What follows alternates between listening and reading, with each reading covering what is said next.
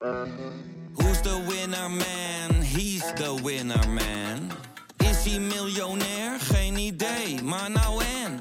Je hebt geen jackpot nodig to be a winner man. Oh oké, dat is wel lekker man. Dit programma wordt mede mogelijk gemaakt door Toto.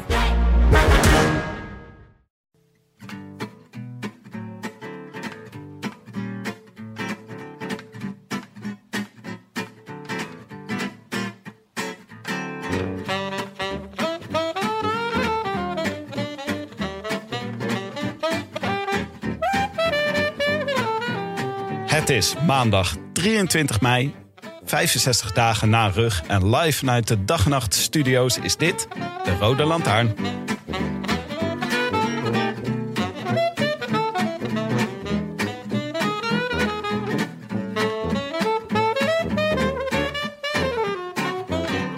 Good day, cycling lovers. I was asked to do this episode's introduction of the Red Lantern, and I'm honored to do it.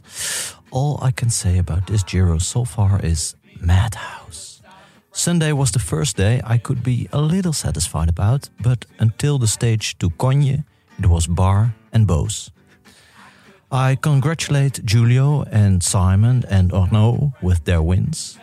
Bora Hansgrohe for being so very un-Bora Hansgrohe. The Dutch with their endless attacks. And Richard with his pink jersey. But I'm very hopeful that I'll get better in this third week. And one of the contenders in the stages to come might just be a long, soft-toned Englishman. Little greetings to all the friends of the show. And a special little whisper for Ide Schelling. You Carthy. I wish I could be in the south of France.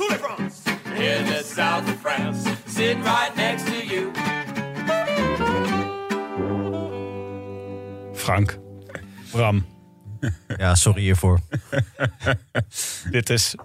Ik denk dat een heleboel mensen die nu de Rode Lantaarn luisteren... Maar harder heel bang gezet. zijn geworden. maar even de context voor de mensen die dit niet weten. Ja. Ide Schelling vertelde ooit- ooit dat Hugh Carthy achter hem reed... en toen tegen hem fluisterde. Ja. En dat dat best wel creepy was. Ja, en inmiddels heeft dit school gemaakt. We weten, we, ik weet niet of we dit ooit bevestigd hebben gekregen vanuit het peloton, dat hij echt fluistert. Maar op Eurosport wordt hij nu ook de fluisteraar genoemd, Ja. McCarthy. Eh, jammer is dat hij eigenlijk niet zo heel goed rijdt tot nu toe. Hij valt een klein beetje tegen. Hij was zondag voor het eerst weer goed. Maar ik, ik heb dus eh, stiekem mijn vermoedens dat hij nog een hele goede derde week gaat rijden. Eh, dus ik dacht, ik, eh, ik gooi hem er nu vast in. Dan is dit, heb, ik, heb ik hiermee mijn eh, voorspelling alvast gefluisterd. Ja, anders zou het zonde zijn. Als je hem niet meer in beeld ziet, dan kan je dit, had je dit niet meer kunnen doen. Ja, Het is natuurlijk zo dat hij is, hij is zo groot. Hij torent zo ver boven het peloton Oh, hij uit. praat gewoon hardop. Als hij praat, hij ver- vervaagt zijn geluid natuurlijk heel snel door de wind in een soort van verluistering. Het is heel romantisch eigenlijk. Als ik er zo, zo, eh, zo over nadenk. Het is heel poëtisch. Het zou heel goed... ja maar dit was ik, hè?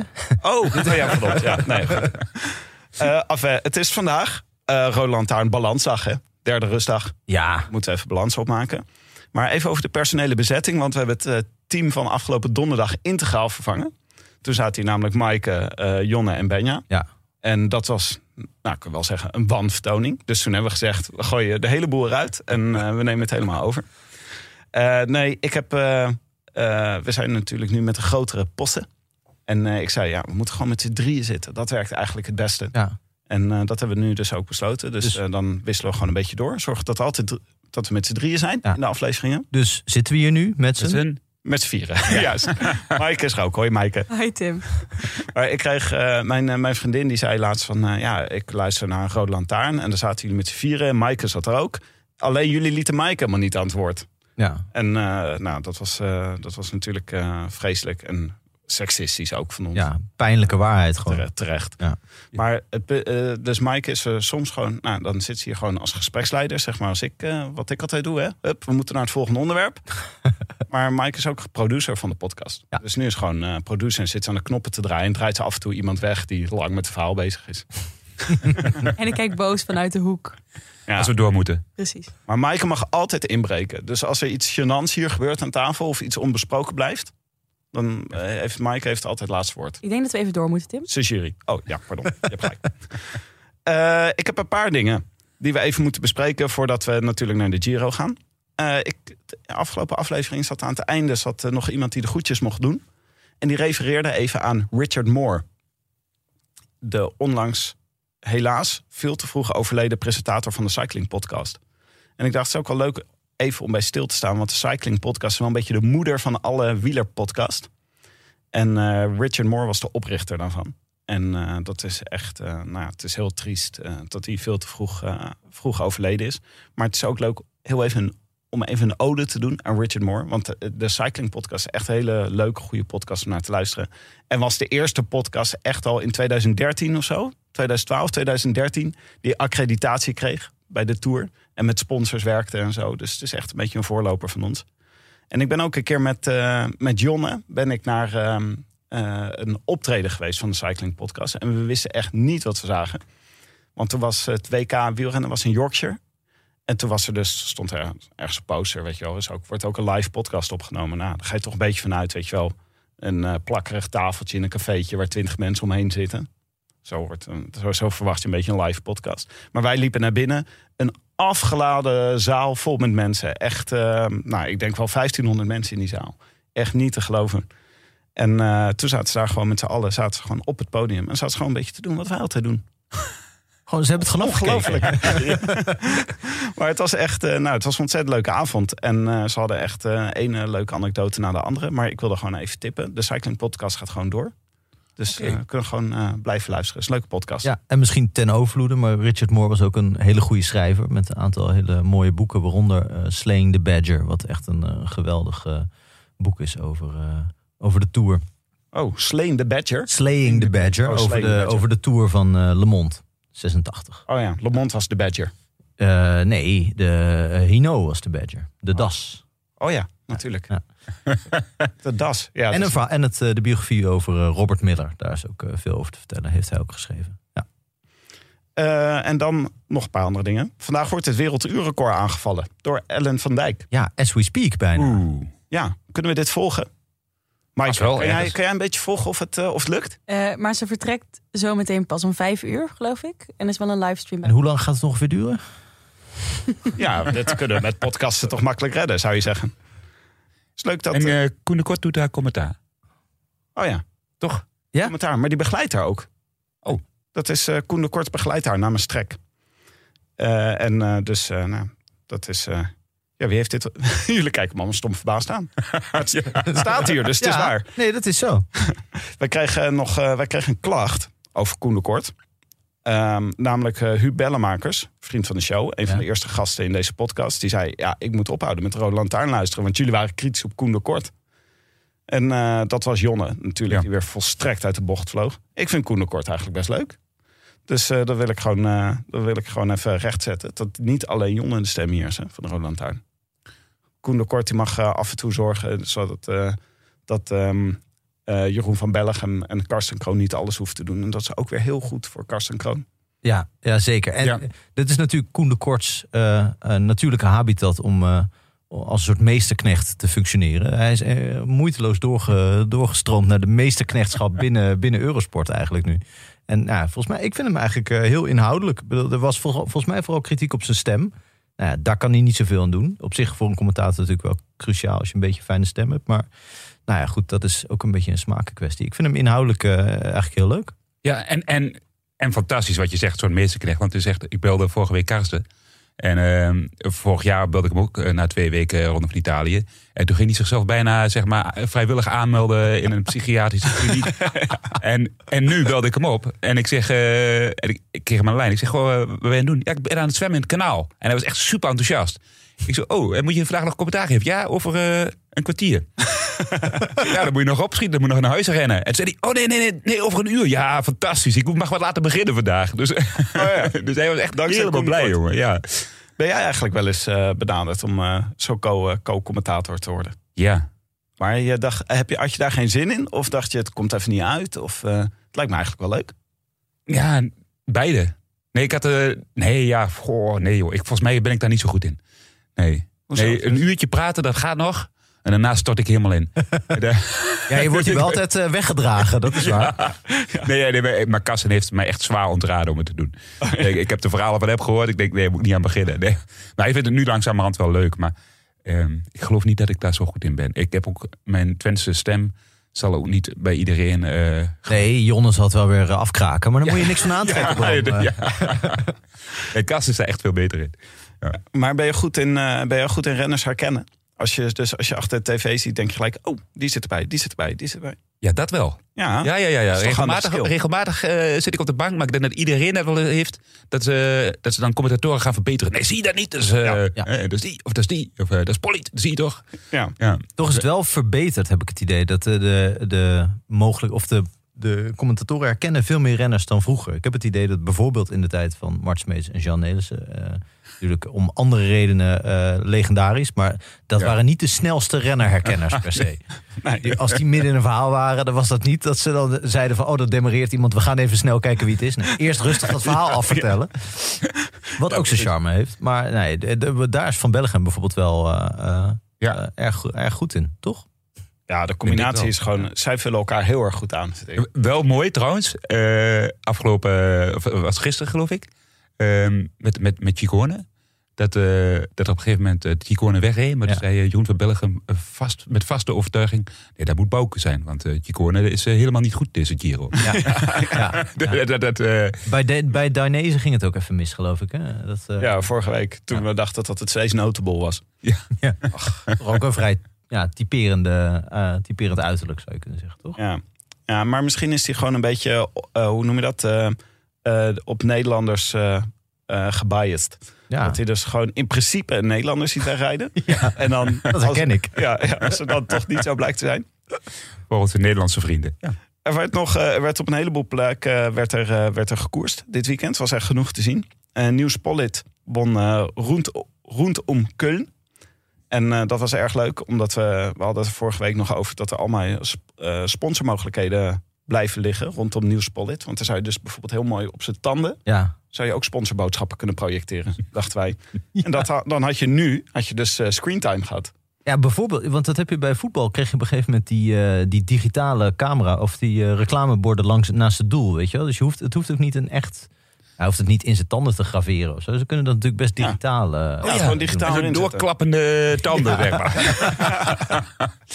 Daar is, daar, zijn nog, daar is nog van alles te bedenken bij het wielrennen. Sowieso kan je allemaal dingen langs de weg projecteren, hè, als je zou willen. Waarom zou je dat niet? eh, zou dat zielig niet- voor Polly. Die wint gewoon een best wel een mooie wedstrijd. we, hebben, we hebben een paar minuten grap over zijn tanden. Gaan we weer door. Gaan we weer verder. Nou, mooi. Hartstikke mooi dat je hebt gewonnen. Heel knap, ja. Er was ook eh, Jorrit Oudhof, die zei op Twitter, die zei die, eh, ik word eh, pas vriend van de show als jullie het over de Antwerp Port Epic hebben. Nou, bij deze. Ja, nou, nou ja, bedankt Jorrit. Dat hebben we gedaan. Ja, is dat een mooie koers? Dat is volgens mij, maken ze daar een soort gravelkoers van. Ja, la- ja. Daar, ga- daar gaan allemaal, stoppen ze allemaal gravelstrook in. Ja, Ja, fantastisch. Nieuwe wielrennen. Ja dus ze, ze zijn gewoon allemaal dingen aan het bedenken om hem leuk te maken. Ja, Ben je daarvoor, Bram? Want dat is natuurlijk steeds vaker. Eh, Steeds meer koersen worden zo langzaam een soort halve mountainbike eh, eh, parcours eh, verreden. ja, ja, ik, dan, dan, ja, ik, ja weet je.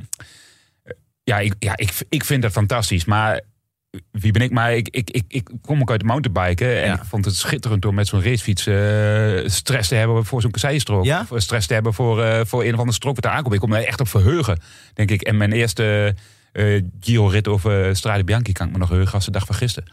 Ah, ik vond het fantastisch. Ja? Mij mochten ze, ja, ja, ja, ja. Ook niet gevaarlijk, dus. Of gevaarlijker dan een normale Nou, koers. Ehm, je gaat meer stress krijgen in het peloton. Dus dat gaat inderdaad valpartij opleveren. Dus dat maakt het inderdaad wel gevaarlijker. Maar ja.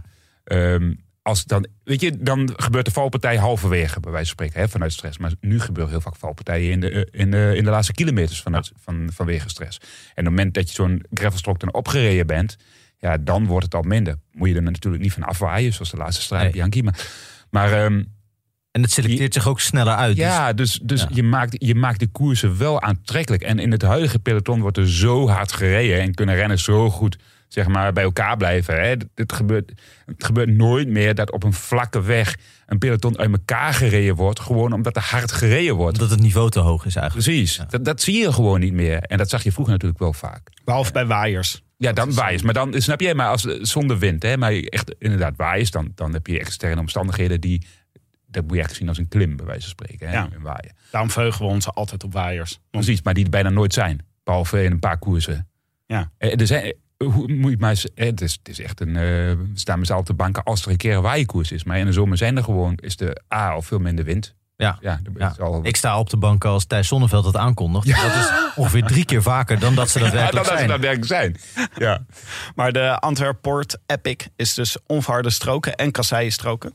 En eh, Florian Vermeers won eh gisteren voor Gianni Vermeers. Dus het was goed voor het Vermeers wielrennen. gisteren. Erg blij voor ze.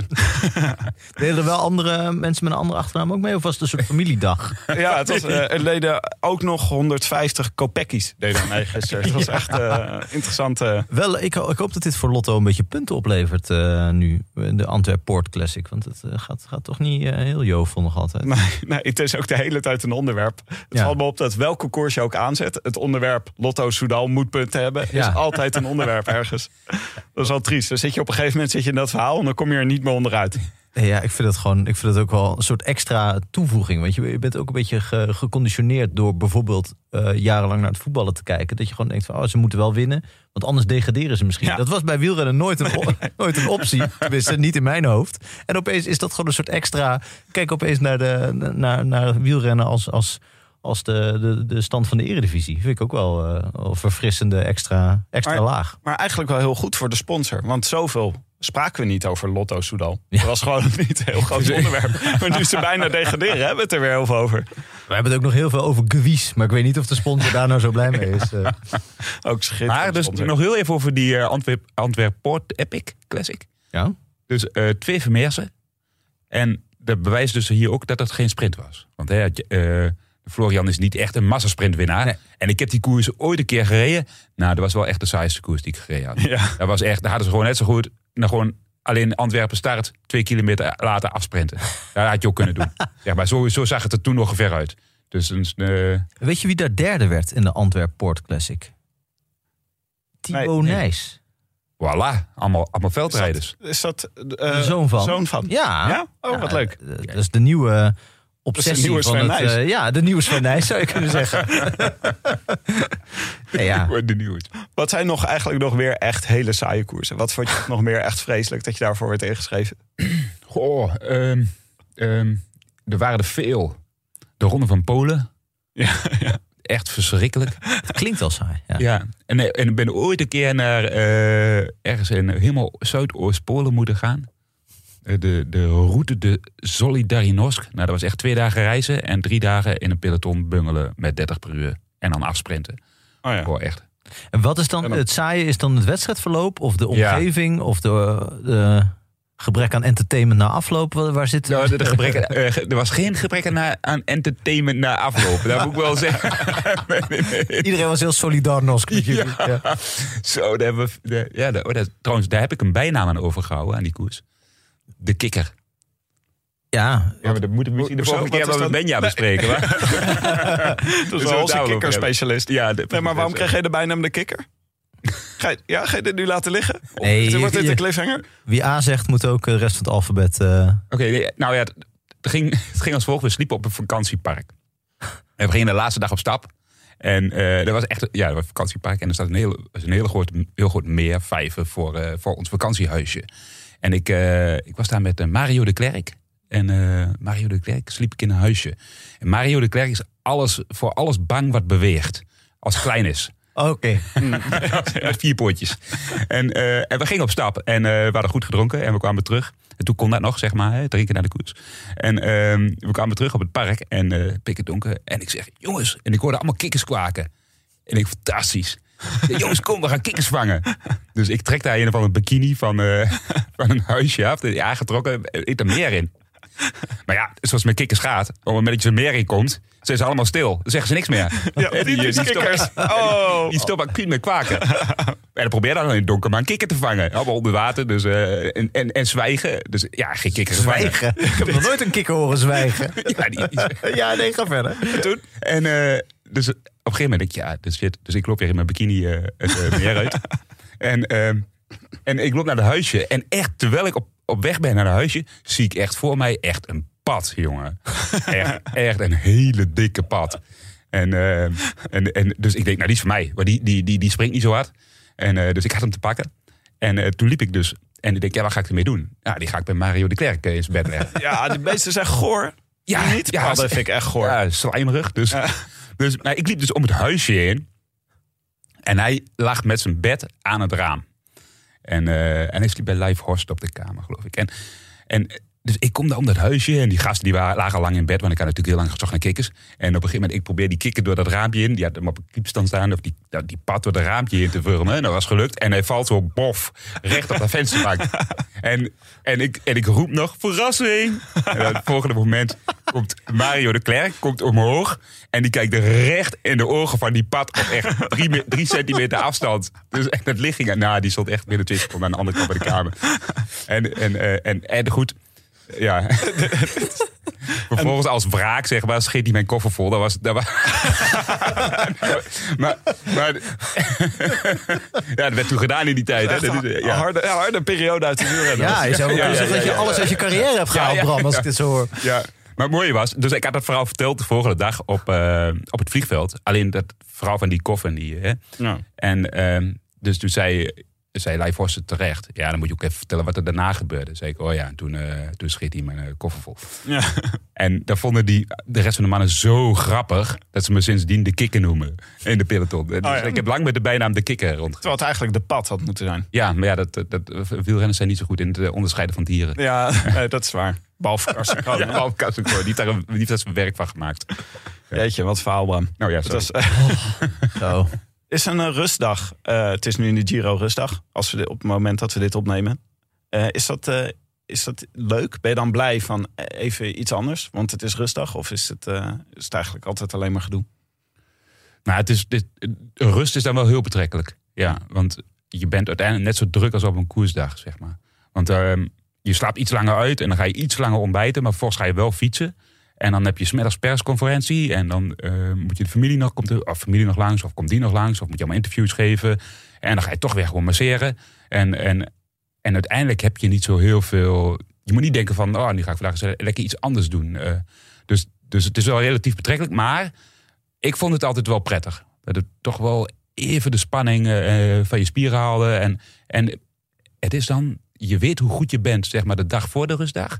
En dan heb je rustdag en dan hoop je altijd dat er een, een nieuwe renner op staat na de rustdag. Zo, zo, zo. Gebeurde dat wel eens?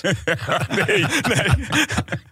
ik, ik, nee, oh ja, dat ga ik weer vooral vertellen, maar ik moet niet veel verhalen vertellen. Maar, nee. Ja, oh, ja. Wilde Nee, ik had één keer een, een, een, een rustdag. Had ik echt uitgebreid de tijd voorgenomen in de Giro. Eh, echt goed gerust. En toen ging de volgende dag ging ik, eh, hadden we een klimtijdrit. En ik vertrok daar. En, en ik dacht echt, maar ik rijd lekker. En ik ging echt fantastisch. Ja. En, eh, Het wordt de tijdrit van mijn het leven. wordt de tijd van mijn leven. En ik zag nog een renner voor me rijden. Echt na een tijdje. Ik denk, zo, ik ben goed bezig. En ik rijd een kilometer die klim op. En dan komt mij een renner voorbij. Eentje van eh Mobiel Vetta. Ik denk, oké. En, eh, Jou voorbij. ja, Ja, mij voorbij. Een paar kilometer later komt mij weer een renner voorbij. Maar ik had echt gevoeld dat ik echt super goed reed. dus wij waren geen, ik had ook geen, geen powermeter op. Dus, dus echt. Dus ik kom boven en, en toen vroeg ze aan me: En hoe ging het? Ja, ging echt wel goed. En eh, ja, wel, wel ik haal de twee renners, maar op zich wel. eh, ik, ik reed echt heel erg lekker. Keek ik later in de uitslag, was ik één en laatste. En dan was ik echt twee minuten binnen tijd of zo. Dat was, dat was mijn- dus, dus er was geen nieuwe renner opgestaan. als je gewoon in de rustdag je fiets zo aangepast, dat je dacht dat je heel hard ging. Ja, dat, ja dat, dat was echt, maar echt. Nee, dat was niet. en Dus niet zo goed verteerd. Maar Maar sommige mensen die, eh, die zijn echt, die verteren het echt eh, slecht. Hè? Die hebben dan Ja. altijd moeite met Ja, die staan er echt Ja. bekend om, sommige renners. Ja, en wat is dat dan? Omdat je dan eh, dus de spanning van je benen afgaat of zo? Je moet in een ritme blijven. Ja, en dat zo'n lichaam bijvoorbeeld helemaal afschakelt. En dat het ineens die, die vermoeidheid in dat lichaam komt. Terwijl je natuurlijk gedurende de week hou je gewoon die stress eigenlijk in je lichaam. Kun je dat, kun je dat eh, kunstmatig oproepen tijdens een rustdag? Bijvoorbeeld door harder te trainen dan, eh, of harder te gaan fietsen op een rustdag? Als je, weet, als je dat weet van jezelf. Ja, ja, er zijn wel veel renners die dat doen. Zeg maar. Robert Geesink is daar een heel goed voorbeeld van. Die, eh, die, die, die rijdt altijd hardstop op een rustdag. Maar die rijdt altijd hard. Ja. Ja. gewoon altijd hard. Kom, we gaan een stukje fietsen, Robert. En dan rammen bergop. Weg is. En doe altijd nog een uurtje extra op de rustdag. Maar ja, inderdaad. Dat, dat, dat kan het zijn, zeg maar. Hè? Dat, dat, dat die rust in je lichaam komt en je gewoon afschakelt. Maar over de Giro, ehm, laten, we, laten we erin duiken. Eh, ik wilde dit gewoon even als eh, balansmomentje, wilde ik dit ook even eh, gebruiken. Bram, wat vind je van de Giro tot nu toe? Vind je het een goede Giro? Ja, jawel. Ja, ik vind, ik vind, ik vind nou, kijk, elke keer zet je die tv weer aan en dan zitten er zes Nederlanders in de kopgroep. Dat is toch, dat is, Dat is waanzinnig, ja. Ja, ja, dat is fantastisch. Gisteren ineens er drie Nederlanders die dan nog weer uit de kopgroep een nieuwe kopgroep maken. Zo, eh, dit is alleen voor Nederlanders. Hè, Een dus, soort babushka-kopgroepen worden. We hebben er ook echt veel, hè? Want het is ook een soort van teleurstellende Giro voor de Nederlanders. Maar elke keer dan, dan hebben we iets teleurstellends. En dan hebben we altijd nog een paar anderen die het, die het eh, Ja, maar ik die de eer redden. dat ik de startlijst zag en dat ik, dat ik dacht, bijna iedere Nederlander eh, kan hier iets gaan presteren. Kan of een rit proberen te winnen of een goed klassement proberen te rijden, of misschien wel allebei. Er zaten weinig Nederlanders bij waarvan ik dacht, nou die komt hier echt alleen maar om eh, te leren of om uit te rijden of om te knechten. Het zijn allemaal goede renners zijn het. eh Ja. Eenkorn is heel goed in vorm. Bouwman is altijd goed in de Giro. Nou heb je nog een paar semi-kopmannen zoals eh Ome en Arendsman. Ja. Eh, ja, Mollema. en dat is wel erg grappig wat je zegt. Want van de jongens waarvan je niet meteen de grootste prestaties verwachtte, die rijden echt supergoed. Waanzinnig, ja. En dan is dan misschien wel een klein beetje teleurstelling. Van de renners waarvan je dan verwacht, dan, eh, dan zijn die ook extra goed. Die vallen misschien net iets tegen. Ja. Dat is dan toch wel... eh, nou ja, Wie, goed. wie als eerste eh, zit nu in je hoofd? ja, ik ben gewoon benieuwd. Nou ja, Dumoulin is natuurlijk Ja, wel... ja, ja, die valt ook het meest tegen. Gewoon. Ja. Ja. Ja, Ja, het is ook gewoon. Het doet zo pijn in je hart. Tenminste, bij mij. Ik heb gewoon. Ik vind het. Als eh, het niet goed gaat met Tom Dumoulin, vind ik net iets erger dan als het niet goed gaat met een willekeurige andere renner. Dat heb ik ook. Ja, en Ja. het komt ook omdat je het bij hem eh, heeft het iets, nog iets meer deerniswekkend dan bij een andere renner. Bij een andere renner heb je het idee dat hij er misschien ook, dat, dat is alleen maar schijn misschien, maar dat, dat, dat hij er iets beter, eh, dat hij iets makkelijker weer eh, eh, de knop om kan zetten of naar een volgend doel kan werken. En bij Dumoulin voel, zie je en voel je en hoor je de diepe teleurstelling. Echt een beetje de, en natuurlijk, ja, in dit geval is teleurstelling op teleurstelling op teleurstelling. Misschien is dat ook wel een van de redenen dat iedereen zo met hem meeleeft. Dat dat gewoon super irritant voor hem is. Dat hij dus gewoon zegt, ja, dan gaat het een dagje niet goed. En dan gaat iedereen hier een beetje lo- lopen jammeren. ja. Tenminste, ik loop te jammeren. Ja, hij schijnt ook heel vrolijk geweest te zijn. Nu steeds aan tafel nog steeds. Dat zei Bouwman volgens mij. Dat Ja. hij zo de, de moed erin hield en zo. En dat, dat zou je er ook niet per se. Dat zou ik ook niet hebben ge- eh, verwacht. Want ik had toch gedacht van hij, hij moet toch gewoon een beetje teleurgesteld zijn over het klassement en hoe het allemaal verloopt. En over zijn eigen prestaties. Maar hij schijnt dan.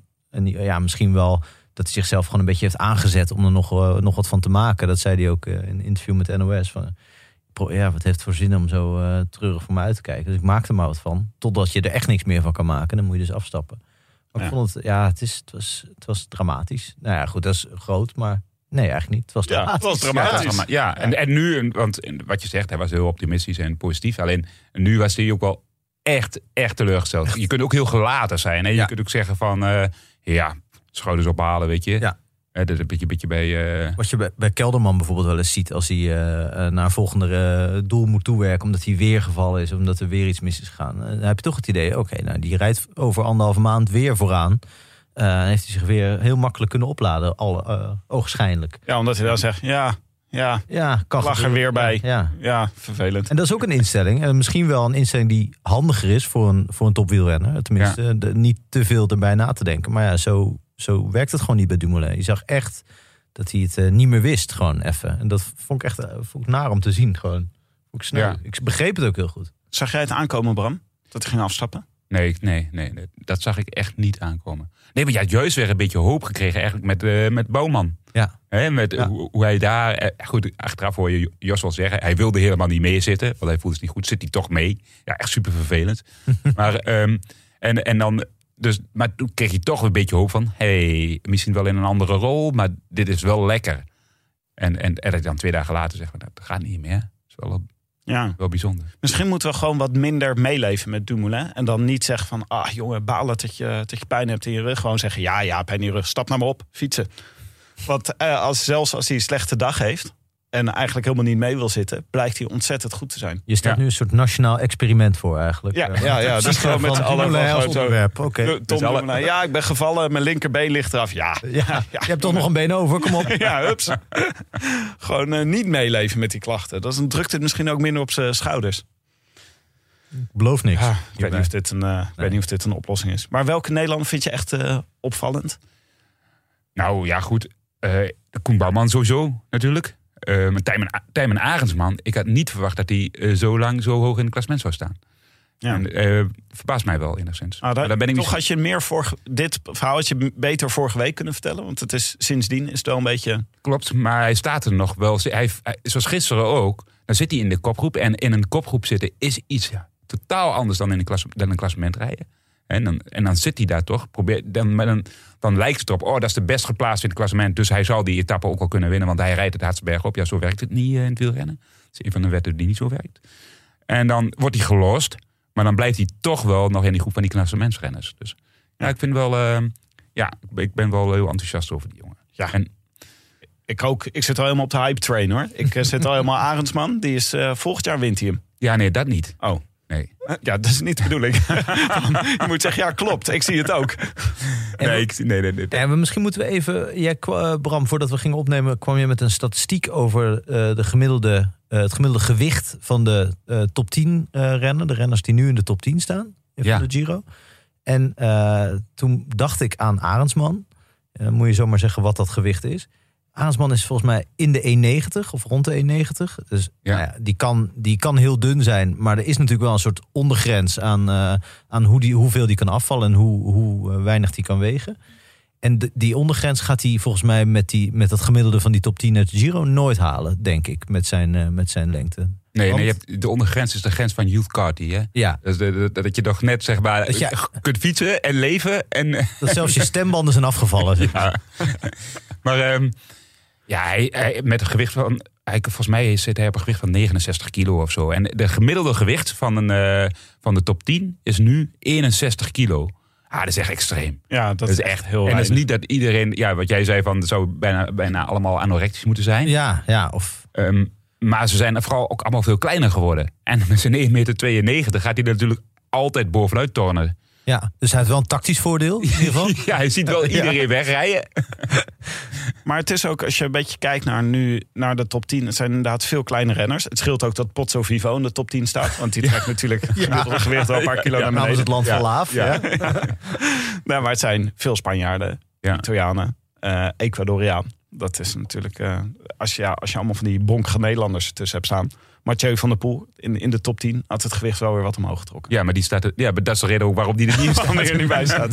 Hij heeft het wel geprobeerd. Had, had Wout van nou meegedaan, ja, hè, dan was het al, hadden we hier toch anders gezeten. wellicht. Nee. Maar je, hebt, eh, heb je, je bent wel van aan het genieten, de Giro. Ja, zeker wel. wel ja, ja, het, het, het oude regime fietst daar ook rond, eh, zeg maar. Hè, die, Hè? Het oude regime. ja, dit, ja, ja, Pozzo Vivo, Dr. Pozzo Oh, ja, ja, eh, ja. eh, en Nibali. Valverde. Eh, Valverde. hè, die, en die, nou, Valverde is dan een beetje teruggevallen. Maar ehm, ehm, nee, ik ben er wel van. Ik, ik vind vooral, ik vind Carapaz, dat vind ik, nou, dat vind ik gewoon een fantastische renner. Want heel vaak ik zei ik ook van. Een saaie rennen wint over het algemene klassement. Want je moet gewoon twee, drie- de eerste twee, drie weken. Of ja, de eerste twee weken sowieso sparen, sparen, sparen, sparen. En hij kiest gewoon zelf de aanval. Ja. Als, eh, ja, dat, dat zie je eigenlijk zelden. De zeg Giro maar. gaat het niet altijd op, toch? Dat de Nee. saaie renner eh, het klassement wint. Want daar is, gebeurt zoveel raars dat ook eh, rare vogels een goede kans maken, volgens mij, toch? Om, eh, denk Ja, daar heb je wel een punt. Ja, daar heb je absoluut een punt. Wat, ja, wat ook mooi is aan Carapaz is, je moet eigenlijk bij Ineos moet je een bepaalde, je moet een bepaalde mate van klinisch kunnen aanvallen. Je moet dat gewoon, je moet dat op het goede moment doen en dan gelijk het goede gat slaan. Maar wat leuk is aan Carapaz is dat hij wel de typische Ineos-strategie hanteert. Dus iedereen op kop en op het juiste moment aanvallen. Maar meestal lukt het dan niet direct. dus wordt hij weer ingelopen. Eh, hij heeft ook gewoon nog een stukje Movistar in zich. Dat ja, vind ik ook wel er lekker. zit nog een klein beetje die Movistar-mentaliteit zit erbij. Dus dat, eh, dat maakt het ook wel leuk. Hij is niet Ja. direct weg. nee, dus niet dat je dan denkt... Oh, en nu is het weg. Oh, nu is het er gebeurd. Nu- Nee, dachten we zaterdag wel even. En Ja. toen ja, viel, viel dat toch tegen. Wat ook leuk is voor het klassement. Want als hij daar gewoon een minuut wegrijdt... dan, eh, dan hoefden we nu niet meer te kijken, denk ik. Maar nu was hij zoveel sterker. Maar nu liet hij zich toch weer inlopen. Of hij moest zich laten inlopen. Dus ja, nu ligt alles open. Hij is wel de grootste kans hebben, maar toch niet... Hij steekt er niet bovenuit, nee. toch? Nee, nee, dat is echt leuk hier. Vind jij het ook? eh jij bent een, eh, een Giro-liefhebber. Eh, ja, een. Girofiel ben ik, ja. Ja, nee, ik vind, ik vind het heel leuk. Zoals wat er nu dit weekend gebeurde, dat zijn echt hele lekkere ritten. Er mag ook wel hoe het parcours erbij ligt. Ook die ritten die, die onder andere Bouwman wint. en zo. Dat zijn zulke mooie etappes en zo goed gecomponeerd eigenlijk. En dat was zaterdag ook gewoon. Alles, alles had daar gekund. Volgens mij werd er ook gesuggereerd dat het misschien wel iets voor mensen als Van de Poel was of zo. Toch wel wat erg zwaar, denk ik. Maar het had alle kanten op kunnen gaan. En nu kreeg je gewoon echt een klassieke, eh, een beetje contador-achtige etappe, vind ik. Waar, waar, waar hij ook zo eh, tactisch de boel had kunnen eh, laten ontbranden. En nu was het dan Bora, wat echt de laatste ploeg is die ik daar van had verdacht dat ze dit zouden doen. Eh, ja, ik vind het eigenlijk leuker dan die klassieke, die klassieke Giro-calls, zeg maar, die ze nog, eh, die ze nog gaan krijgen. Dit is, dit is veel spectaculairder. Ook een heel mooi parcours. De, de Superga die ze dan beklimmen. Heel eh, historisch mooie, mooie stukken doen ze. Ja, ik ben er echt dol op. Finish in Turijn. Ja, man, het zet het wel door, hè? Dat, eh, gewoon, dat eigenlijk de, niet de allerhoogste berg en het liefst finish bergaf levert vaak het meeste spektakel op. Ja, en daarbij niet de allerbeste renners. Vind ik eigenlijk ook leuk. Dus de, gewoon dat je niet... eh, toch in de Tour zie je gewoon... Er kunnen er maar een paar winnen. Zowel in de sprints als in de, als in de grote bergetappes... Zijn er, zijn er echt maar een paar echte kanshebbers. Die hebben zo'n goede ploeg, zijn zo goed voorbereid. Zoveel meer talent dan de rest. En hier zie je gewoon... Ja, het is toch een beetje een samenraapsel van wat oude knarren... eh, een paar nieuwe talenten, mensen die het nog eens een keer proberen. eh, eh, zwakke broeders die altijd die heel goed zijn, maar altijd een zwakke dag hebben. De Yates mag het altijd nog eens proberen, weet je wel. Ja, nee, ik vind dat, vind dat geinig. Je weet nooit wat er gaat gebeuren. Eh, Kijk, als Pogacar hier rijdt, is er veel minder aan. Die rijdt ze allemaal op minuten. Ja. Echt leuk dat zo iemand er niet bij is eigenlijk. Ja, ja dat ze, en tegelijkertijd zit ik ook heel vaak te kijken van, eh zit ik naar het klassement te kijken, denk ik, wie hoop ik eigenlijk dat er wint? Ik, heb, ik, weet, ik weet eigenlijk niet zo goed op het moment. Kelderman, hoop ik. Maar Ja, Kelderman. ja, ik heb nog steeds eh, de meeste kaart Kelderman of anders Arendsman. ja. Eh, we hebben drie etappes hebben we, eh, nog openstaan sinds de laatste eh, Rode Lantaarn. Ehm, even kort over de etappe van vrijdag. Ja. Nou ja, even kort. Wat er natuurlijk erg leuk aan was, was de vlucht met Pascal Eenkorn en Julius van den Berg. Ja. Oh, je begint gelijk een beetje te grimassen. Ja, nee, ja, ik zat daar voor t- echt voor tv. En ik, oh jongen. Die laatste dat deed- kilometer. Dat deed pijn. Ja, Dat ja, deed pijn. dat ze daar op zo'n manier nog voorbij gereden werden. Dat, eh, Oh, dit, was, dit was het meest ongunstige scenario, toch? Dacht ik, ik. Als je dan een kopgroep hebt met twee Nederlanders, Nederlanders erin, wil je niet dat ze achter elkaar aan gaan fietsen. En toen ging Julius van den Berg ging weg. En toen ging Eekhoorn het gat dichtrijden. En daardoor viel de samenwerking weg. Ja. En kwam het peloton er voorbij. Ik denk dat het peloton sowieso al voorbij was gekomen. Maar de een, de, die mini-kans die ze nog hadden, die hebben ze samen vakkundig om zeep geholpen. Die, ze moeten elkaar toch. Ze kennen elkaar toch goed, of niet? Maar Volgens mij eh, zijn het vrienden nog zelfs. Dan, dan, dan, dan doe je dit toch niet? Ja, nee, dat was ook, maar, ja, maar jij, moet, jij bent, toch, we jij bent een oud. Je moet afstand nemen hiervan. Dit is verschrikkelijk voor ons. Ja, nee, is ook. Is ook, is ook. En, en, maar ik denk dat Pascal, die, die, die zag zo komen. En hij was ook gewoon de sterkste van de drie. Hij heeft, deed zoveel kopwerk ook. Ja, hij, echt, elke keer als hij op kop reed, dan liep de voorsprong even niet terug, zeg maar. Dan- Hij rijdt sowieso een waanzinnig goede Ja. Giro, vind ik. En, en eh, hij had daarmee ook al het recht, zeg maar, om die eerste... eh, voor mij was hij een beetje verrast, maar... Hey, wacht eens even. Ja. Dit zou ik toch doen? Dat was een beetje... Hij verrast toen Julius van den Berg weg. ja, dat, Ja. Weet je, dat idee kreeg ik een beetje. En, eh, ja, dat had, hij had het niet hoeven doen. Nee. Wat had er moeten gebeuren? Hoe had, hij het, hoe hadden ze het dan uit moeten spelen? Ik, ik denk, dit hadden ze volgens mij uiteindelijk toch niet kunnen uitspelen. Want het peloton kwam zo rap, die laatste Weet kilometers. je, ik heb ze zelden in de Giro zo, of deze Giro zo ongelooflijk tempo zien maken. Ja. Het peloton als dit keer. Ze dachten ook echt dat ze niet gingen redden. En dat het misschien wel de laatste kans voor de sprinters was. Dus FDG ging toen eh, echt... eh, En ook ineens allemaal super eensgezind. Normaal rijden ze dan met treintjes naast elkaar. Ja. En nu gingen ze allemaal zeg maar... Oh, dan doen wij het wel even. Oh, dan doen wij het wel even. Ja, dus eigenlijk zat voor ons alles tegen. Ja. Want dat, dat, dat peloton dan ook nog eens een keer eensgezind is ineens. Dat was vreselijk. Ja.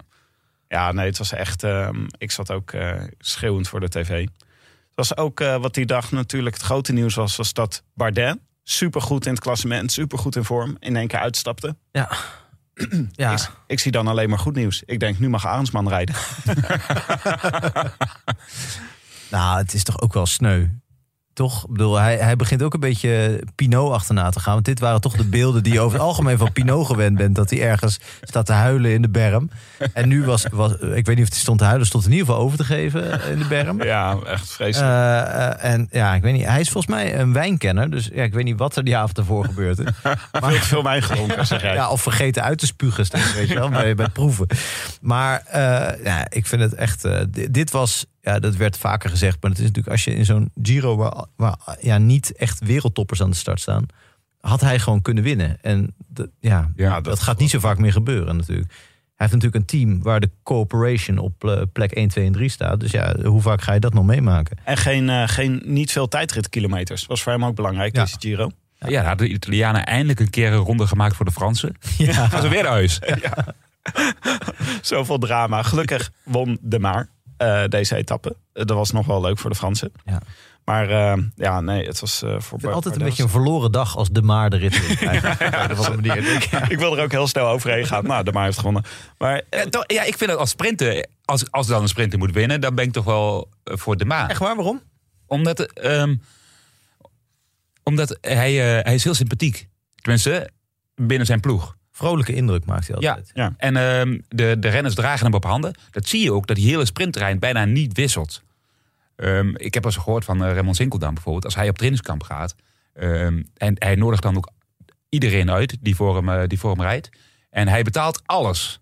Maar dus, uh, Raymond Sinkeldam ging ooit een keer zelf, eh, de verhaal ken ik dan, ging zelf een keer boodschappen doen. En dat mocht niet eens. Dat, dat, moest, dat moest hij doen. Dus die boodschappen werden ook gewoon weggeflikkerd waarschijnlijk. hij, hij deed het. Ja, hij heeft waarschijnlijk ook allemaal de verkeerde spullen gekocht. eh. Ja, maar hij is een soort capo die tutti capi eigenlijk, Ja. eh, de maar. Hij regelt alles voor zijn mensen. ja. Wat goed. En dat vind ik, wel- dat vind ik wel heel sympathiek. En, en, en hij is inderdaad, hij is niet de allerbeste of de allersnelste sprinter. En dan dat, als hij dan wint, dan denk ik, ah, dat is toch, doe het toch wel weer lekker. Want ze zijn er altijd voor hem, zeg maar. Ja. Blijkbaar is hij nu dus in de hele Giro wel de snelste. Ja. ja, maar sympathiek, sympathiek. Hier in Amsterdam zeggen we, met sympathieke mensen dempen de Amstel. dus eh, ja, ik snap Frank. eh, nee, ik, eh, die indruk maakt hij ook. Ook omdat ze altijd na afloop met z'n allen enorm feest vieren. Die Ja. sprinttrein. Dat is altijd. eh, En dan gaat gelijk ook, zoeken ze allemaal de camera op om te vertellen dat het zo- zo'n goed teamwerk was. Ik zie opeens een enorme parallel met, eh, met jou. Ik, zie, jij, Ik ben ook zo'n de- teamspeler, De, je? Arno de Maar van eh, dag en nacht bent eigenlijk. Oh ja, met mij demp je ook de Amstel. zeg maar de, Ja, dat waren jouw woorden. nou, dankjewel. Ja, Ik zie mezelf meer als Guarnieri. een Guarnieri. Ja, dat, Guarnieri. Zo, ja, zo omschrijf ik jou ook altijd. Ja, Nou, de, het spektakel was natuurlijk op zaterdag. mijn god. Ja. 127 bergen zaten er in de etappe van Ja. zaterdag. Dat was, eh, het, was, het parcours was wel iets omgelegd om er nog eh, 42 bergen extra in te stoppen. Het was mega warm. Eh, daar hadden de renners heel veel last van. Was jij, kon jij goed met warmte? Hmm, nee, Nou, niet bijzonder. nee. Gewoon ook niet met kou. Met, Ook niet meer kou. dat was, niet, dat was niet mijn beperk- beperkende factor, zeg maar. De temperatuur. ik, heb geen enkel... eh, nee, het had Enkel geen invloed. Eh, het was eh, een, twee keer reden ze een soort rondje in de buurt van Turijn met de Superga, die Frank net ook al noemde, en de Colle della Maddalena. Dat zijn twee bergen van tweede categorie. Maar ja, het, blijkbaar dit parcours werkt gewoon het allerbeste, omdat gewoon een heleboel verschillende renners mee gaan doen. Dus wij zagen heel vroeg Mathieu van der Poel, die wegreed. Ja. En die keek om zich heen. Die zag niemand anders. En die dacht, hè, balen, het is echt, ik moet nog 127 bergen. En het is super warm. Dus dat werd het volgens mij niet. Zou hij echt hebben gedacht dat hij hem ging pakken zaterdag? Nee, maar hij ging natuurlijk zondag ook, daar komen we nog op. Maar hij, eh, ik weet niet precies wat hij... Ja, hij wil volgens mij dan de dag goed doorkomen. En vroeger verveelde hij zich altijd in lange ritten. Wilde niet zo graag op de weg rijden, omdat hij dat saai vond.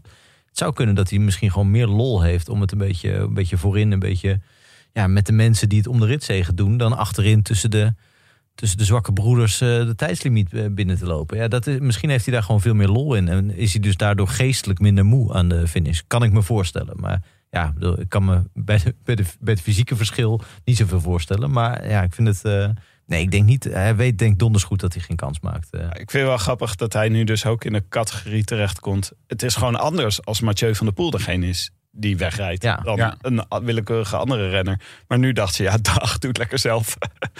Eh, het was volgens mij, hoe lang- veel was nog te gaan? 100 kilometer of zo. Ehm, ik had, ehm, eh, was het nou... Nee, oh nee, het was gisteren dat ineens eh, de verschillende Nederlandse kopgroepjes zich eh, vormden. Het was niet zaterdag. Maar wij hadden, een van de eerste berichten was natuurlijk dat Tom Dumoulin afstapte. Daar hebben we het net over gehad. Dat was eh, natuurlijk... Mark Rees eh, had het ook verbaasd. Zei hij na afloop. Ja, lastig is dat toch. Als je, als je opeens hoort dat een van je kopman, kopmannen naar huis is. Ja, die had het blijkbaar ook niet door. Ja. Dat was niet, Hij had, hij had gezegd dat hij last van zijn rug had hè, tijdens, de, tijdens de wedstrijd. Volgens mij dachten ze 's ochtends nog dat hij, eh, dat hij zich beter voelde. ja, Dus dan was het echt eh, tijdens Ja, de dat- etappe slechter geworden. dan speelt het toch ook vooral in je hoofd. Hè. Ja. Af. Ja, zo klinkt het wel. Ja. Bouwman die zei dat hij eh, door zijn rug was gegaan met het omkleden. En eh, dat hij daar last van had gehad die week. Echt waar? Ja, zelf gaf hij aan, het lag niet aan mijn rug. Dus Oh, waar lag dan aan? ja, nou ja, precies.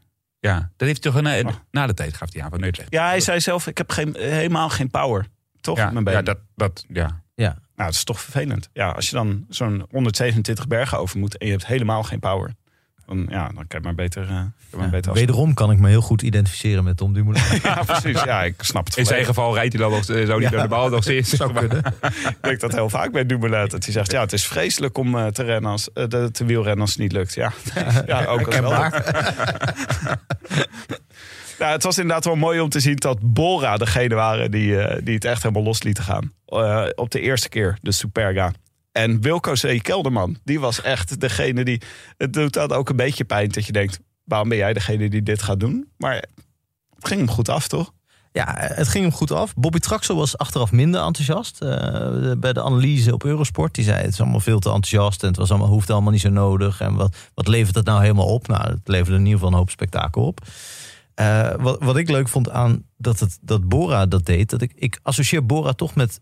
eh, je bent geneigd de, de ploeg met de kopman te associëren. En voor mij is dat nog altijd een beetje Boegman. Ja. Boegman een van de saaiste renners ooit.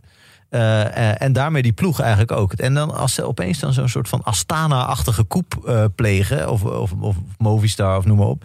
Ja, ik vind dat echt heel lekker. En Kelderman zie je dat ook niet meteen doen. Dus ook voor het eerst dat ik die eh, in zo'n rol zie, toch? Dat, dat hij zo eh, een beetje zo'n guerrilla-achtige eh, de, de, boel, de boel op, ja, Ja. in brand steekt. Vind Hij is nooit echt knecht, toch? Hij is gewoon, hij doet dat. de- Hij zou echt een meesterknecht kunnen zijn, als je dit zo zag. Ja, want.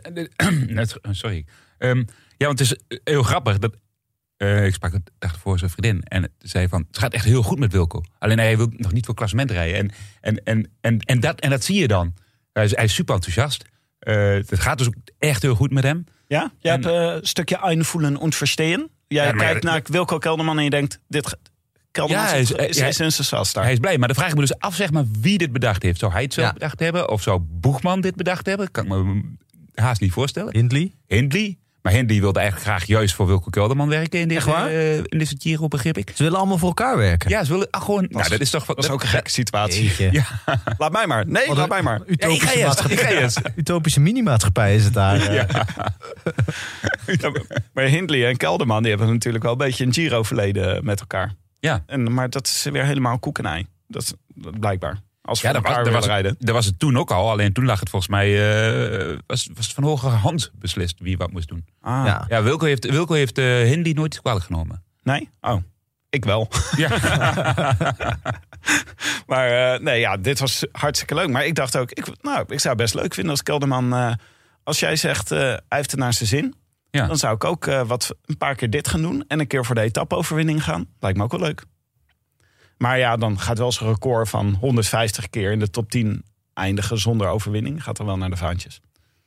Dus moet hij ook... eh, Nou, hij is alweer een paar keer in de top 10 geëindigd, deze Giro, toch? Gaat alweer prima met dat record, volgens mij. Ja, en hier, hierdoor, hij bewees in ieder geval een superdienst naar zijn ploeg toe. Hij kon ze vervolgens, zeg maar, met, hij, ja, hij hoefde dus daardoor niet weer voor het klassement te rijden. Nee. En kan hij wellicht in de laatste week, staat hij ook op genoeg tijd om nog eens eh, voor een etappe te proberen te gaan. Zou hij niet last hebben van het ongemak dat hij... Hij is toch een renner van het niveau Boegman en Hindley. Misschien heeft, is hij zelfs wel iets beter intrinsiek. Dat hij, gewoon- dat hij knecht moet zijn voor renners die eigenlijk eh, van zijn niveau zijn of iets minder. Dat, dat lijkt me toch lastig in een ploeg. Dat je... Snap je wat ik bedoel? Ja, ja, dat had ik ook altijd, ja. ja. Nee, nee hoor, nee, ja, ja, is dat... Ja, maar dat, dat is volgens mij, dat, dat is wat hij zelf nu, nu wil, zeg maar. Hij wilde eigenlijk helemaal geen klassement rijden. Of, niet- zozeer. Daar voelde hij zich ook niet goed genoeg voor. Zijn basis was natuurlijk ook gewoon wel Ja. wat minder. En hard gevallen in de, in de, in naar Luik. Dus Mhm. vlak voor de, nog een week voor de Giro wist hij niet eens of hij wel naar de Giro kon. Dat, dat speelt ook wel mee, hè? En, dan, en, ehm, en toch een mindere voorbereiding gehad. Dus, en dan kan ik me voorstellen dat je juist heel blij bent dat je eigenlijk veel beter bent dan je zelf had verwacht. En dan denk je, nou, dan ga ik wel lekker werken voor, eh voor Boekman. Ik krijg later nog een keer terug. Ja. Ja. Maar ook gewoon een soort feestje om gewoon Wilco, eh, Kelderman, iedereen op een hoopje te zien rijden. Ja, Dat, dat gevoel had ik heel erg.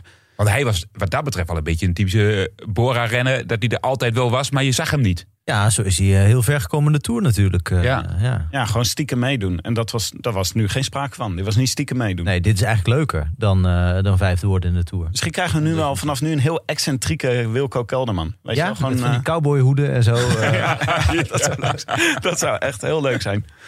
Eh, de, de- op de tweede keer op de Superga eh, kregen we Carapaz. Die dus de Ineos eh, eh, playbook eh, uit, eh, uitvouwde. En eh, op spectaculaire wijs- wijze wegreed. Maar goed, eh, op, de, op de tweede, op de Maddalena...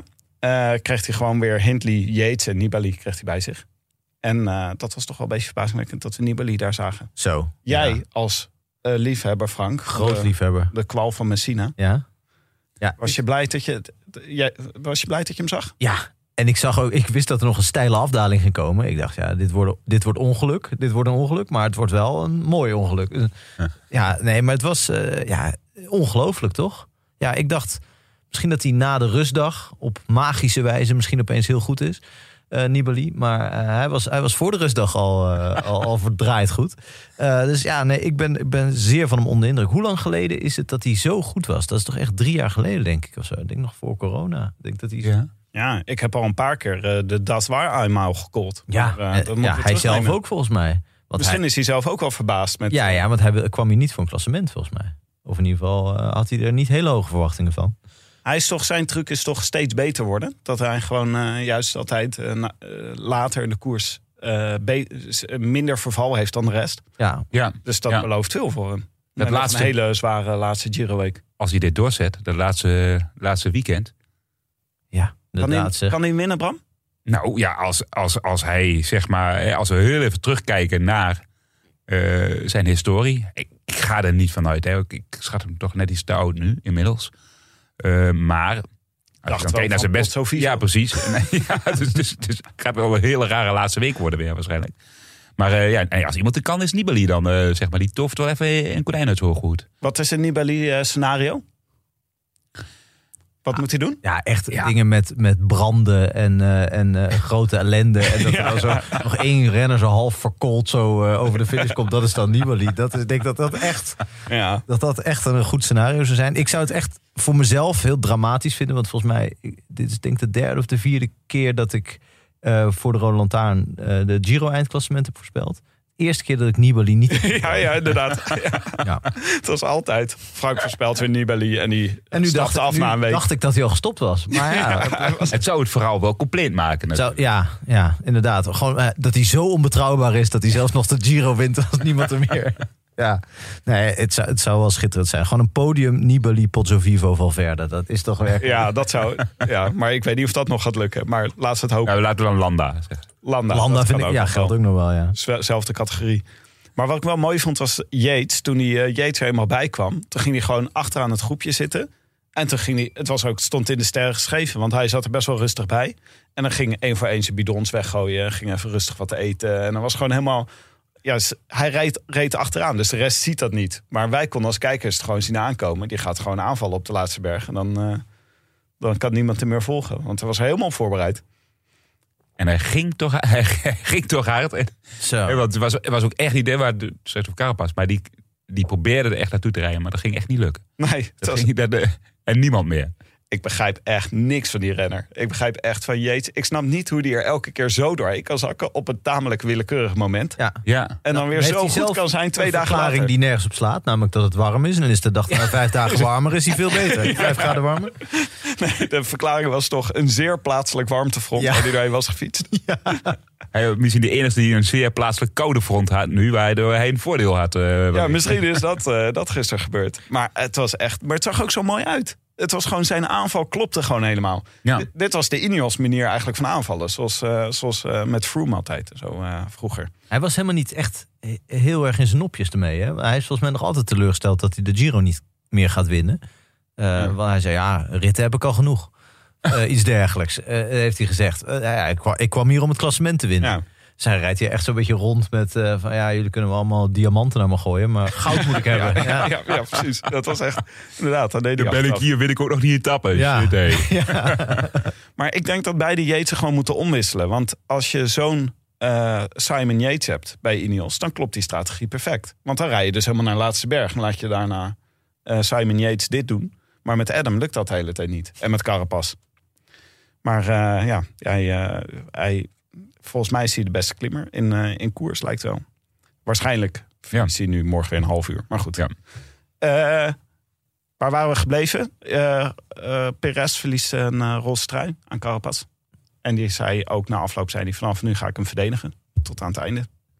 Ja, het zou een mooie boel zijn als hij nu nog zei van nou, wacht nog een paar dagen, toch? Eh, Geef hem nog een keer weer weg. Geef nog een keer weg. ja.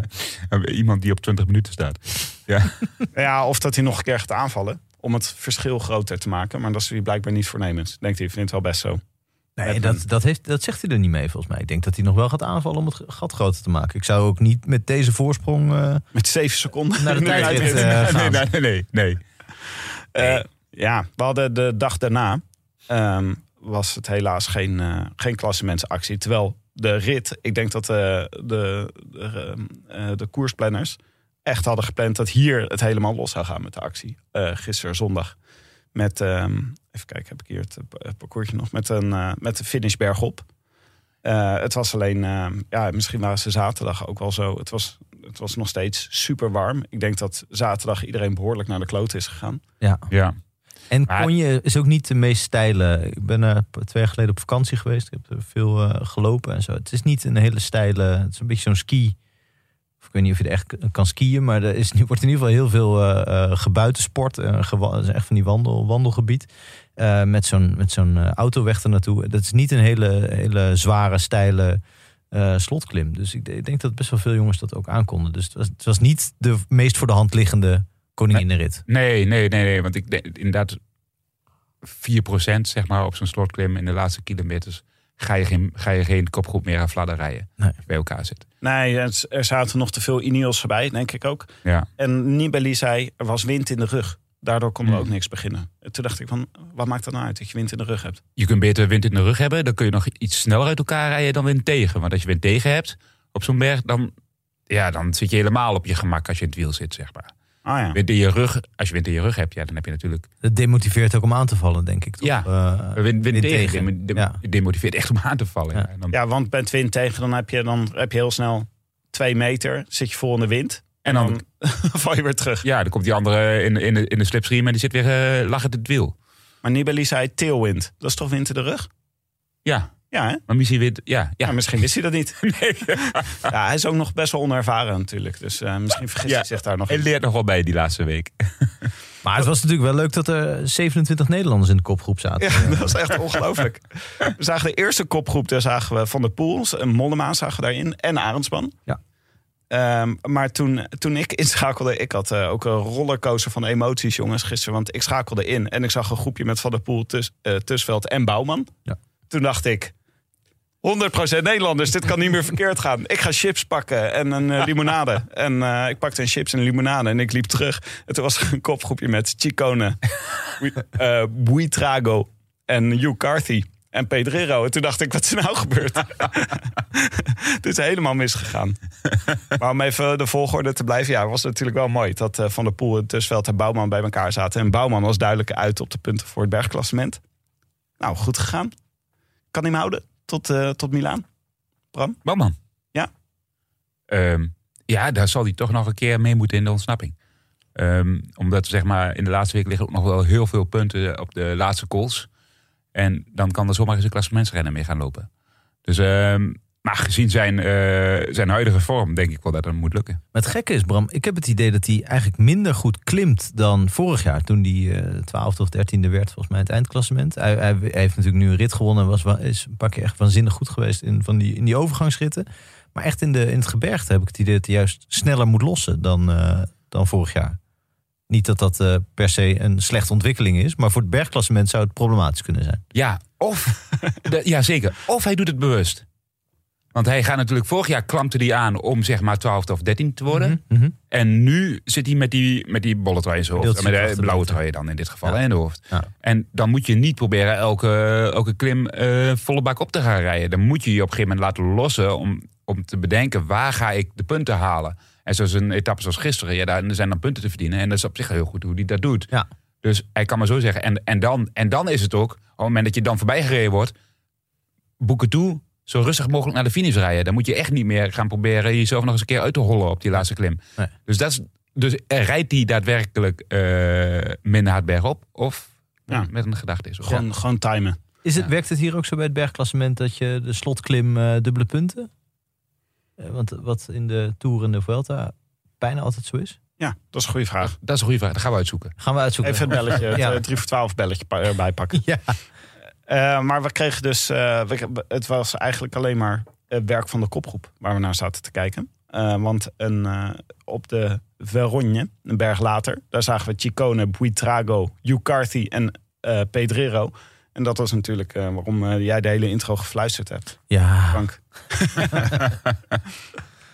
Blij om Hugh Carthy te zien.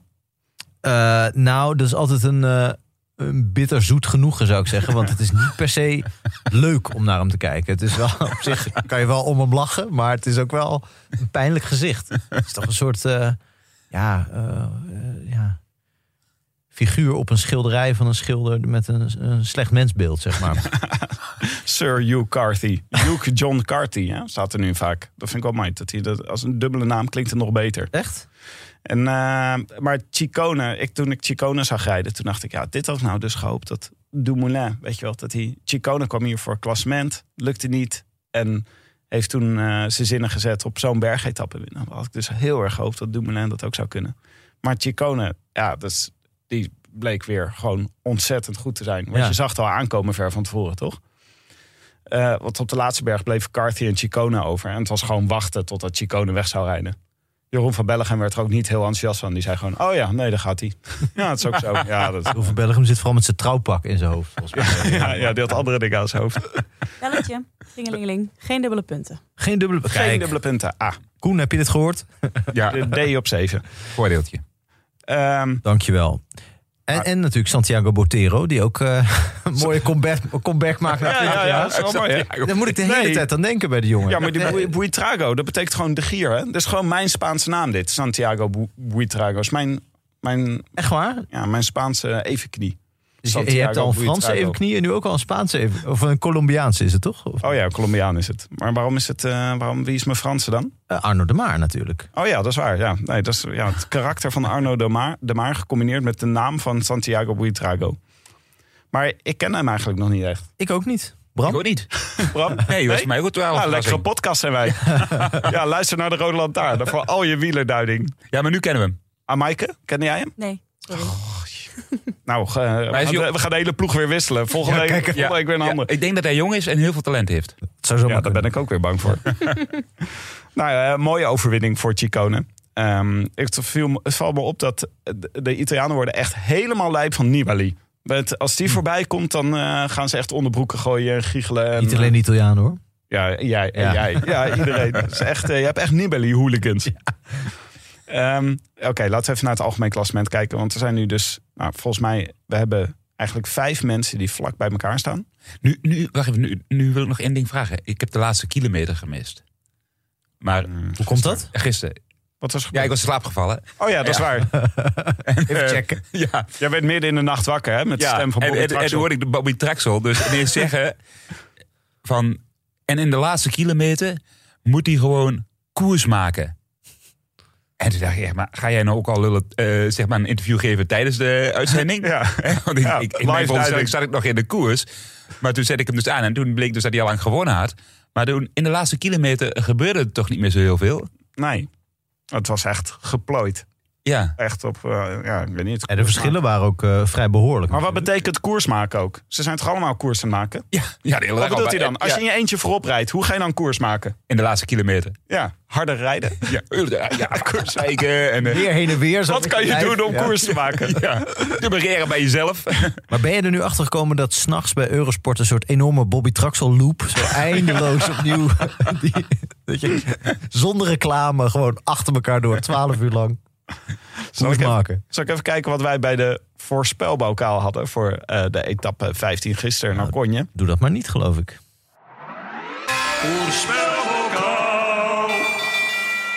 Eh, nou, wat, wie hadden wij opgeschreven voor de voorspelbokaal? Wout van Aert, hoeveelste was die Bram?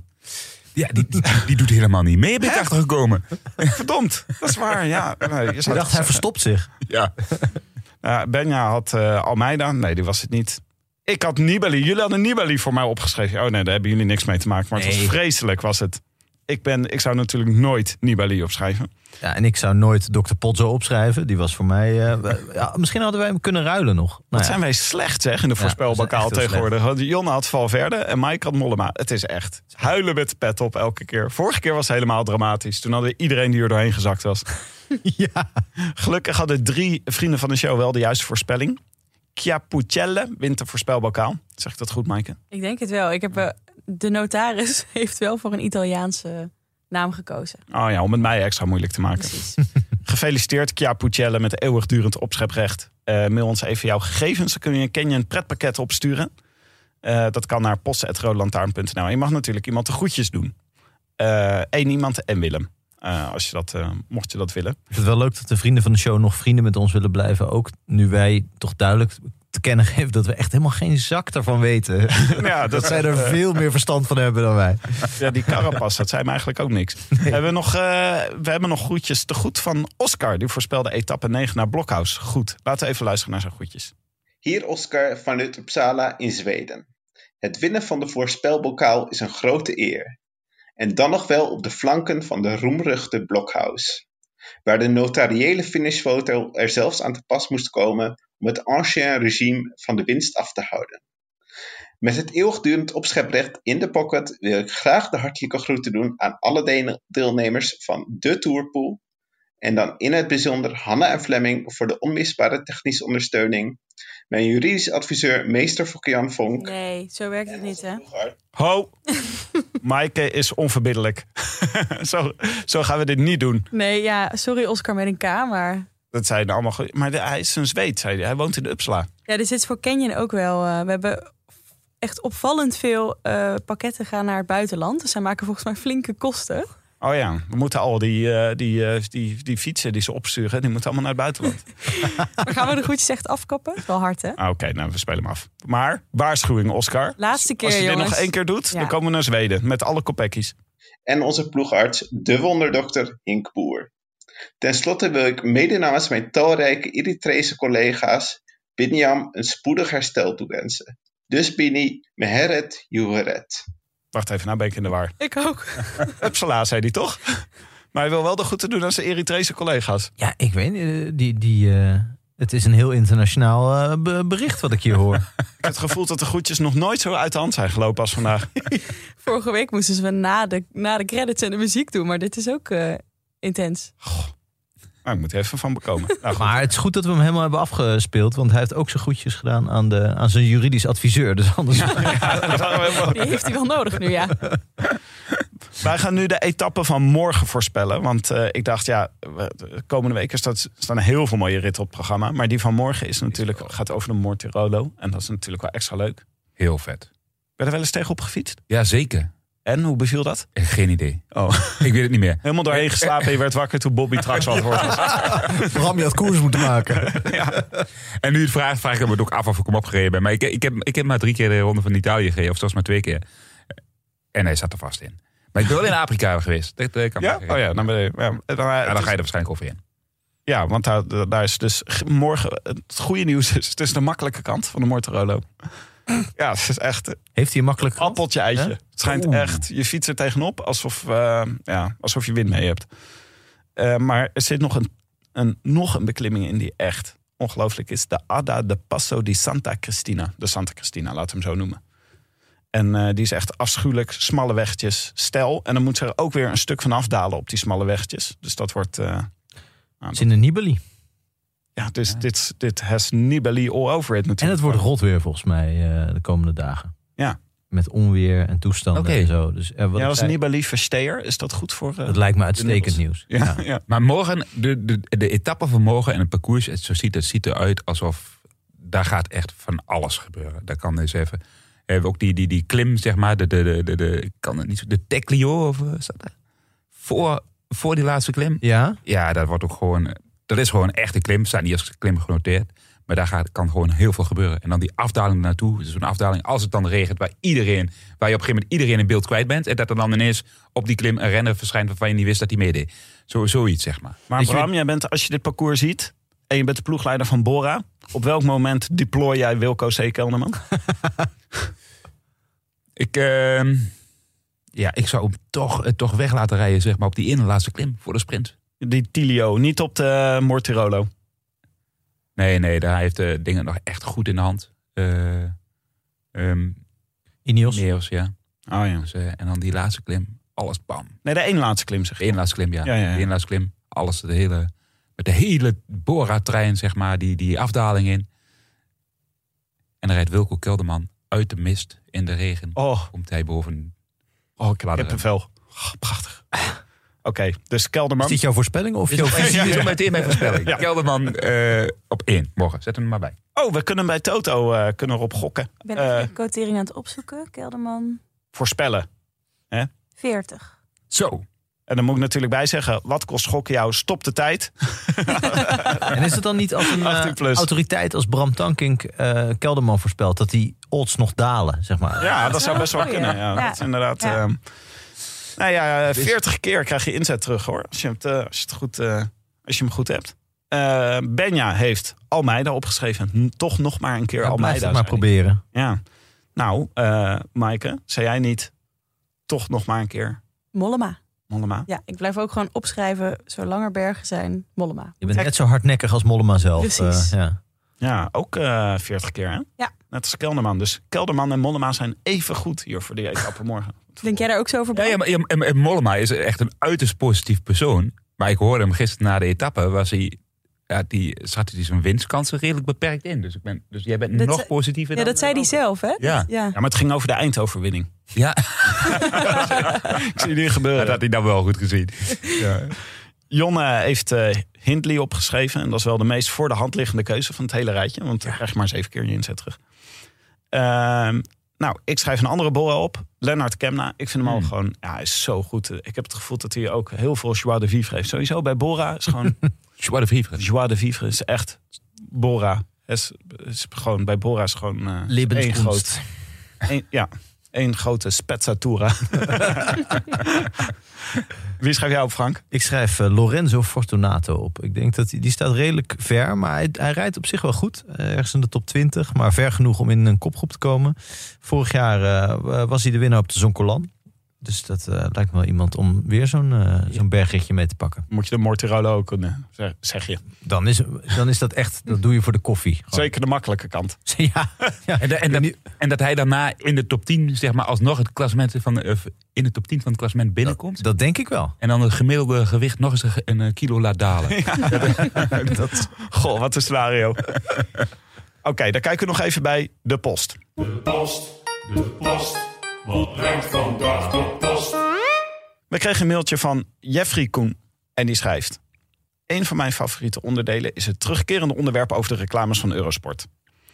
Toen het bleek dat ik namelijk 0% kans had om professioneel fietser als beroep te worden, heb ik mij volledig gestort op dat andere punt waar een groot gedeelte van Nederland zich aan ergert: het inkopen van tv-reclamezendtijd. Zo ben ik tot vorig jaar onder andere verantwoordelijk geweest voor de fantastische Because I Want to Keep My Hair spot van Alpecin. Zo, Tim, heel goed. dit is de man achter de Because I Want to Keep My Hair. We kunnen wel zeggen het brein achter Because I Want to Keep My Ja. We gaan het ook niet factchecken, hè? dit is gewoon zo. Dit is gewoon zo, ja, tuurlijk. Dit accepteren. Nu hoorde ik Jonne in de laatste aflevering zich afvragen waarom Arkea de Giro wel sponsort, maar niet rijdt. Dat wil ik graag van een antwoord voorzien. Van antwoorden, meervoud. Eurosport biedt namelijk internationale jaardeals aan, waardoor een aantal sponsor, eh, sponsors het hele weekend. eh, Wielerseizoen. ik doe gewoon even deze zin opnieuw goed. Eurospe Euro... Het is gewoon best is raf. Ik ben geen Nibali. Nu gaan we niet meer knippen. hè? Dat gaat gewoon niet. Eurosport biedt namelijk internationale jaardeals aan, waardoor een aantal sponsors het hele wielerseizoen claimt in een groot gedeelte van Europa. Arkea kon dus de Giro waarschijnlijk niet uitsluiten, ook omdat er meerdere co-sponsors zijn. Bijna iedere eerste minuut of laatste minuut van de Eurosport wielerblokken zijn dan ook hetzelfde voor een aantal Europese landen. In deze minuut zie je dan ook vaste sponsoren zoals Alpecin, Swift en dus ook die verschrikkelijke Arkea-spot, schrijft hij.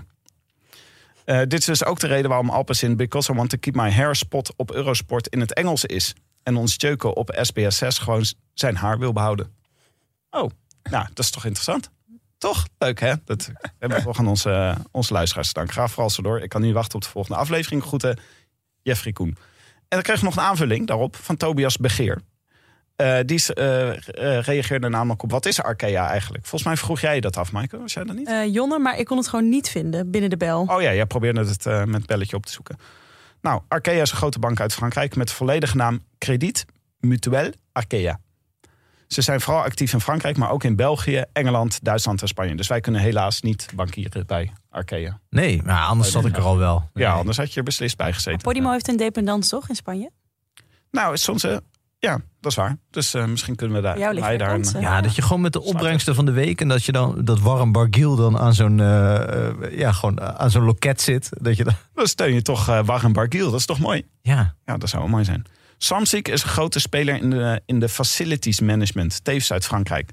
Wat eigenlijk van alles is, zoals ondersteuning op vliegvelden en andere grote ondernemingen. Hun naam staat voor Samsic Société d'Application et de Maintenance des Surfaces Industrielles et Commerciales. uitstekend Tim. Mooi hè? Ze zijn actief over de hele wereld, schrijft Tobias Begeer. Nou, leerzaam. Het slaat weer nergens op. Die hele sponsoring. Dat je denkt, al die bedrijven, daar kan je dus 100 miljoen keer naar kijken. En je hebt nog steeds geen idee wat ze doen. Ik had dat, al, ik had al, dat, dat altijd vooral met Mappai. Dat heb ik volgens mij wel 15 keer opgezocht wat dat eigenlijk is. En dan Wat de is het? 16e keer denk je weer, ja, geen idee. Dat, Beton, eh, iets met beton. eh, nee. Oh ja, nee, ja, ga ik. eh. Wat? Maar was er niet de verffabrikant? Met al die kleurtjes? Waar verf? Was het Verf. verf? Dat verklaart wel die Ja, de- al die kleurtjes. shirtjes. Ja, ja. Volgens mij was het verf. Maar er was ook iets met een... eh, Je hebt niet in een Mappai. Yes, het, het was Quickstep al toen, hè? Je hebt niet meer in een Mappai shirtje gereden. En dan blijkt het gewoon iets van beton te zijn. Toch? Gekleurd beton. Ja. Gekleurd beton. nou goed, dat was het voor vandaag. Dankjewel, eh, Bram. Frank, vond het leuk om een keer in deze eh, opstelling. Hè? Ja, heb- gewoon een nieuwe, zijn toch dieper gegaan dan normaal, heb ik het gevoel. gewoon een nieuwe sprinttrein hebben we geprobeerd te formeren. Ja, die nieuwe Rode Lantaarn sprinttrein. Echt? Ja, beviel het? Nou, ja, ik, eh, zometeen krijgen we kritiek van Maaike, maar die zit al helemaal met geslepen mes hier. eh. Ja, zodra die microfoons uit zijn, dan gaan Ja. wij eraan. En, en Jonne kijken. die gaat natuurlijk... eh, die gaat straks... Gaat zo'n hele negatieve recensie schrijven. Ja, precies. ja. Wij gaan die allemaal, allemaal brieven posten. Dit was het voor vandaag. Eh, dank ook aan onze nieuwe vrienden. Piepoli Tribute. Nou, dat is leuk. Iemand, eh, Piepo- Piepoli-liefhebber heeft ons gesteund. Dat is gewoon José Kobo, denk ik. Gewoon, eh, Oh, maar hey, opvallend. Dus ook Iris heeft ons gesteund. Nou, leuk, maar opvallend. Escartine88. Dus ineens dat Piepoli en Escartine ineens opduiken. In de jaren negentig klimmers eh, zitten we, zijn goed vertegenwoordigd. Zou dit zo werken dan bij mensen? Dan zien ze Pozzo Vivo en Nibali. En dan denken ze ook ineens... Oh, maar dan, waar is Piepoli? Ja, en Ja. Wanneer is de comeback van Escartine? Ja, schitterende renner. Denk ik regelmatig aan trouwens. Ja. We hebben toch nu Hugh Carthy? Ja. Dus dan heb je niet, eh, niet Heb je nog niet een ook nog nodig. Ja, precies. En Mancebo rijdt nog, rijdt nog altijd trouwens. Dus eh, over scheefzitters gesproken. Mancebo rijdt nog altijd. Ja, en, en ja, wij, wij zeiden altijd Boko Mollema is een beetje de, de, de escartine zeg maar, van Ja. het huidige peloton. Maar toen zei hij van, eh, ja, ik, hij zei gisteren, ja, ben ik gevallen en hoop ik niet dat ik scheef ga zitten. Misschien dat hij nu recht zit. Dat zo goed. Eh, Oh, hij wist dat zelf niet. Nee, ja, Dat hij scheef zat. Eh, nee, maar ja, Nee, Ja, ja, die- Jawel, hij heeft Mollema heeft hij zelf ook al helemaal eh, geaccepteerd als, eh, als, als geuzennaam. Ja, maar hij dacht waarschijnlijk dat dat gewoon zijn gestroomlijnde stijl... en de, de formulering van zijn stroomlijnde Oh. stijl was. Iemand moet ingrijpen. Ja, Bram, ja. moet jij niet een keer een interventie plegen. zeggen Bouke? Wauke, het gaat zo niet langer. Ja, eens eerlijk zijn. ja. Maar je ziet dat zijn bekken, bekken wel heel recht staat. Ja, vind je dat zijn bek bijzonder recht? Je Of Mollema's recht, zeg maar. Maar stel dat je dan, stel dat je zo al jaren fietst en dan staat hij niet eens recht. Dan is recht eigenlijk ook scheef. Ik heb het gevoel dat dit weer volledig uit de hand is. Wil je ons ook steunen of gewoon een berichtje sturen? Een liefdesbrief naar Bram mag ook. Websurf dan naar de rodelantaarnpodcast.nl. Ook veel dank eh, aan onze sponsoren. Toto natuurlijk. Eh, Canyon, de fiets van de show. Ja, die hebben vandaag weer, eh, die hebben weer een nieuwe versie van die fiets op de markt gebracht. Hoe heet die ook weer? De Aeroad? Road, ja. Ja, dus, eh, en eh, die zijn op voorraad. Dus eh, ja, je moet even snel zijn. oh, die wil ik wel hebben. Aan de fiets. Ja, Frank. Gelijk even op je, op je, op je smartphone zo meteen Een zetten. Eh, dank ook aan eh, Auto.nl voor de Cartjelaren. Ik heb begrepen dat ik in Nijmegen gespot was dit weekend. Klopt, ik was in Nijmegen. Kant, eh, eh. ja, het is, wij vragen natuurlijk nog steeds aan iedereen om even een fotootje te maken. Als je de De- er was trouwens een opmerking of we het niet inmiddels de, de Pogachar moeten gaan noemen. De Bogacar. De. Pogacar. Ja. Dat is wel een goeie. Ja, Misschien kunnen we een polletje uitzetten. ja, dat is wel een goeie. Pogacar of Cartjelara. Ja. Natuurlijk ook dank aan onze heimaat, het is uh, hetskoers.nl. Shout-out naar hun. Eh, wij zijn er weer, donderdag. Nou, dan zal er weer van alles gebeurd zijn met een eh, volledig nieuw team. Waarschijnlijk na, na dit. dank jullie wel. A biento. Arrivederci. A biento. A biento. I wish I could be in the south of France. In the south of France. Sitting right next